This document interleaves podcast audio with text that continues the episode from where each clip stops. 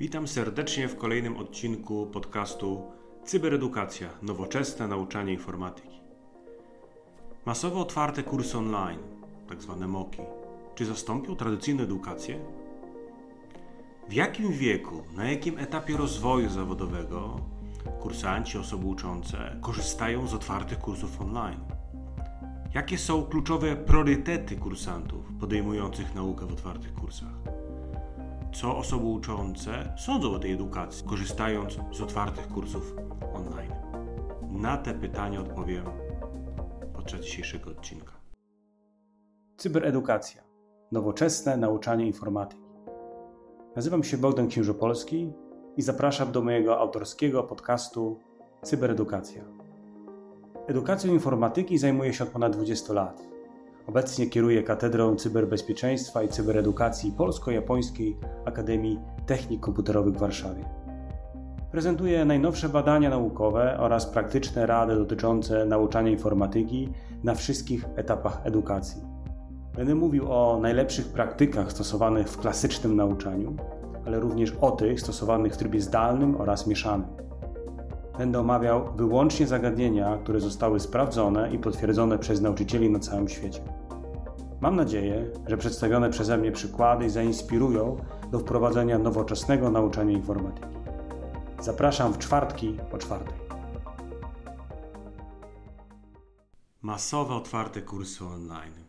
Massive Open Online Courses, tak zwane MOOCi, czy zastąpią tradycyjną edukację? Takie pytanie postawili sobie e, naukowcy w, publikując artykuł w bardzo renomowanym czasopiśmie Computers and Educations. Jest to zespół, w ramach którego zebrano analizę z różnych platform, otwartych platform typu MOOC. Myślę, że wiele osób z nas zna takie platformy. Są to platformy choćby FutureLearn, edX, Udemy, Coursera i jeszcze wiele innych innych platform.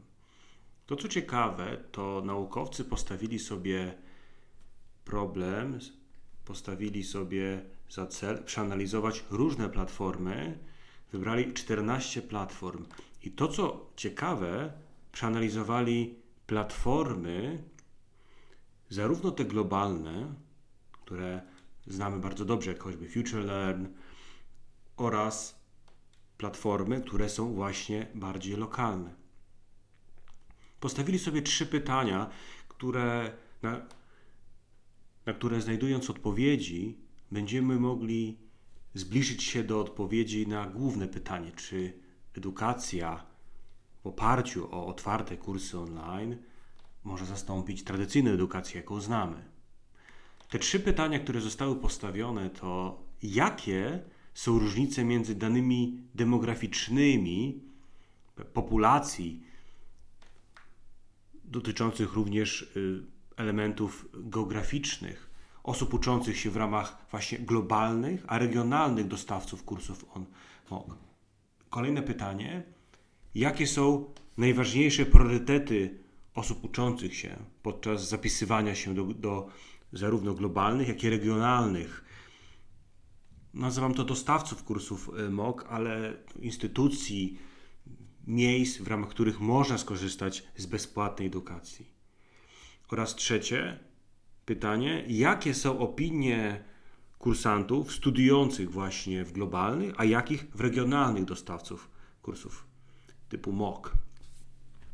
W rzeczywistości było przeanalizowanych 14 platform, nie będę ich wszystkich wymieniał, ale są to platformy, które są zarówno na rynek lokalny, czyli rynek lokalny chiński, arabski, również niemiecki, ale też i Wielkiej Brytanii, Stanów Zjednoczonych, ale też takie duże platformy jak przykład FutureLearn czy MITx. Również tego typu platformy. W rzeczywistości wszystkich te 14 platform oferuje 6111 kursów. Mają aktualnie 8,67 miliona osób uczących się i 15,73 zapisów na kursy. Także jest to dosyć duża próba. Przejdźmy do pierwszego pytania, w zasadzie odpowiedzi. jakie są różnice między danymi demograficznymi określonych populacji geograficznych, właśnie uczących się u dostawców globalnych i regionalnych. To, co można zaobserwować bardzo szybko, że niższy poziom nauczania u regionalnych dostawców kursów MOOC, czyli osoby w mniejszym wieku, niższym wieku, bardziej podstawowe kursy, ponieważ jest to związane oczywiście z tym, że te kursy prowadzone są w języku lokalnym, czyli czy zarówno arabskim, czy też mówimy chińskim, czy niemieckim, czy hiszpańskim, również tego typu platformy były analizowane. Czyli niższy poziom nauczania w przypadku wybierania tych lokalnych dostawców kursów, otwartych kursów online. Tak jak mówię, bardzo wyraźnie to było widać w przypadku e, platformy EDRAC. Tam było 85% uczniów, osób uczących się było właśnie Mm, które miało wykształcenie licencjackie lub niższe.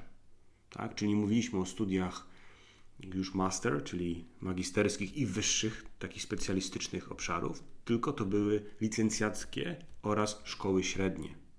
Czyli EDRAC, czy na przykład tak samo jest 78% osób uczących się w chińskim, nie wiem czy dobrze przeczytam, Ksutang X E, tak, tak jak najbardziej w tym przypadku to było widać.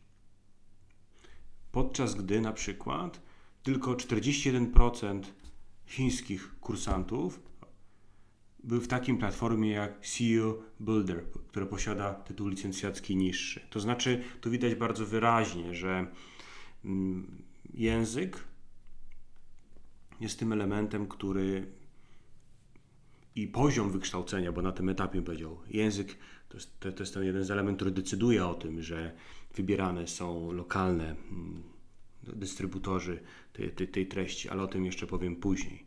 Czyli poziom niższy, licencjacki i niższy są na, w ramach tych regionalnych akademii.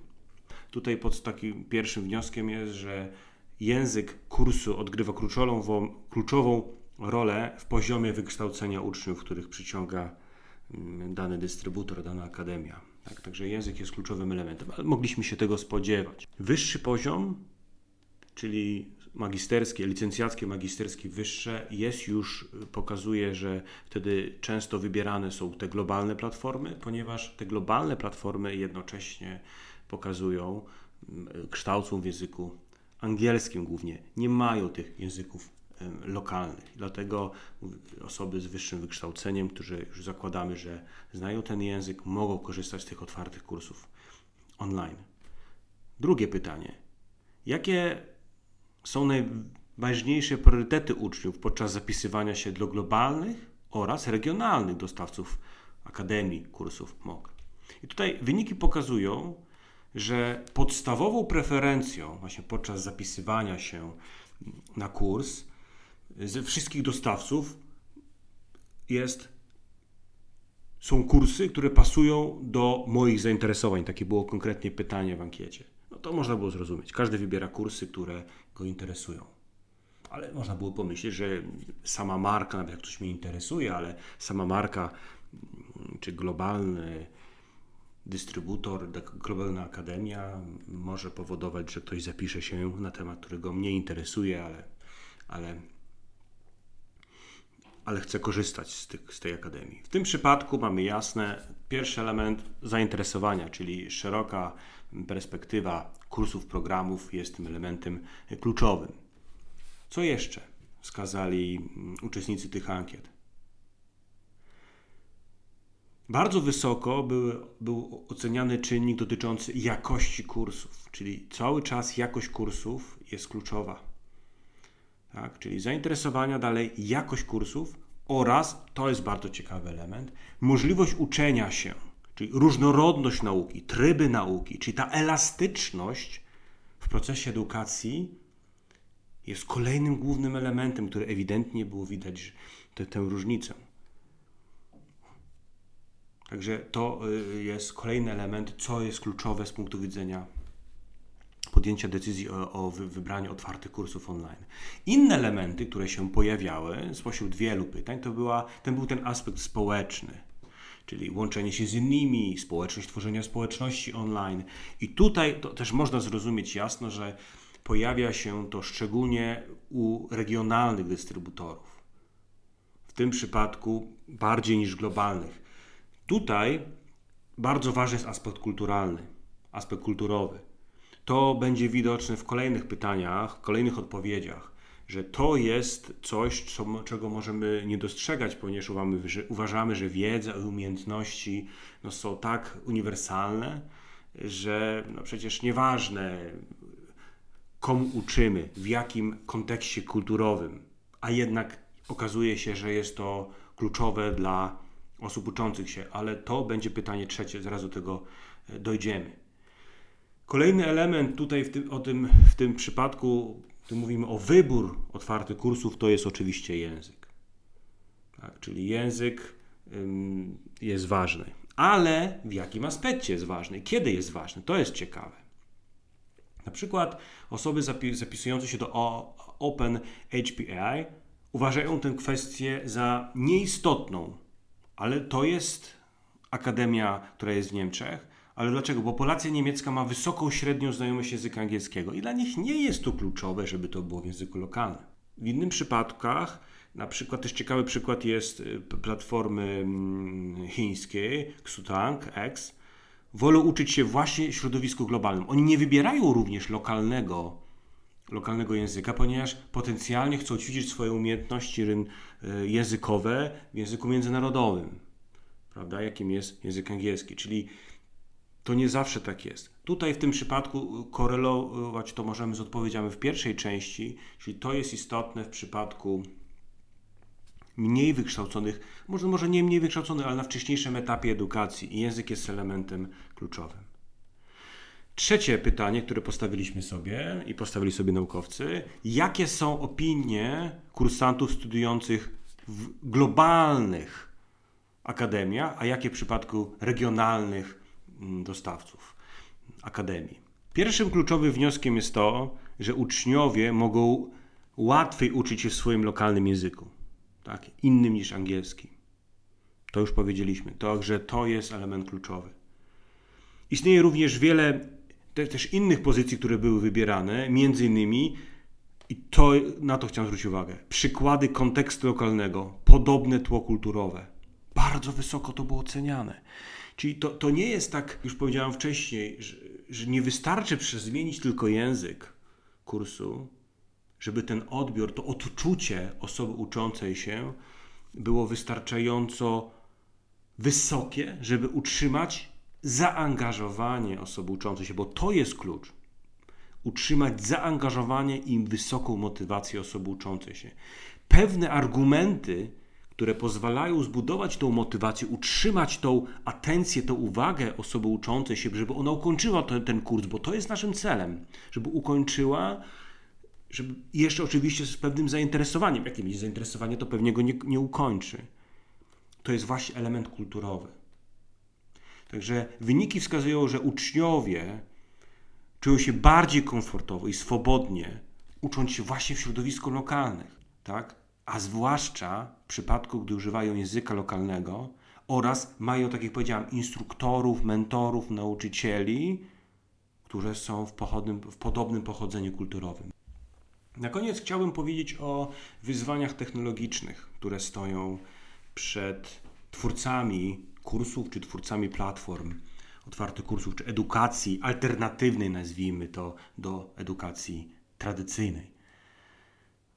Podstawową funkcjonalnością, którą musimy zagwarantować dzisiaj, to, że wszystkie platformy edukacyjne posiadają treści audiowizualne w kilku językach oraz to, co jest ciekawe, to nie wynika z tych badań, ale z innych badań, które, z którymi się zapoznałem. Nauka powinna być prowadzona w grupach, o specjalnie dobranych grupach, nie samodzielnie, czyli w grupach w tym samym czasie, gdzie jest prowadzona edukacja, zgodnie z programem, z tym kurikulum, która jest podzielona na sekcje, gdzie ma pewien rytm, czyli mamy pewien rytm, mamy pewien harmonogram pracy, i mamy grupę, którą, z którą idziemy razem. To jest bardzo ważne. Okazuje się, biorąc pod uwagę skuteczność kończenia tych kursów i zaangażowanie osób uczących się. Innym elementem, którym można pomyśleć, to są moduły adaptacyjne, które dostosowują kolejne kurikulum czy pewne elementy w stosunku do grup. Nie powiedziałbym nawet pojedynczych osób, ale do grup. To nie jest tak, że jak uczymy Pythona, podstaw Pythona i uczymy szkoły średnie, czyli uczniów oraz osoby, na przykład, które już pracują na rynku i akurat nie znają tej technologii, że to jest ta sama linia. Powinna być adaptacyjna względem danej grupy, czyli ten dobór powinien być ważny. Czyli personalizacja procesu uczenia się w, oparciu o preferencje y, osób uczących się, ale znowu w grupie. Kolejnym elementem to jest właśnie posiadanie przez te platformy pewną właściwości przekazywania informacji zwrotnych. Tak? Chcemy mieć informacje zwrotne albo wprost przekazywane przez osoby uczące się, albo przez sam system, który monitoruje proces edukacyjny, po to, żeby zobaczyć, jakie doświadczenia, to tak nazywamy, doświadczenia edukacyjne ma osoba ucząca się i preferencje dotyczące uczenia się, kursów e, i tak. Bo dzięki temu jesteśmy w stanie ciągle przygotowywać takiej pętli zwrotnej doskonalenia zarówno platformy, jak i portfolio kursów e, dla danej osoby nawet. Ale też a propos tego wcześniejszego, e, sama grupa, w, jakiej stronę, w jaką stronę powinna iść te, ten kurs. Czy zatem otwarte kursy online mogą zastąpi, zastąpić tradycyjną edukację?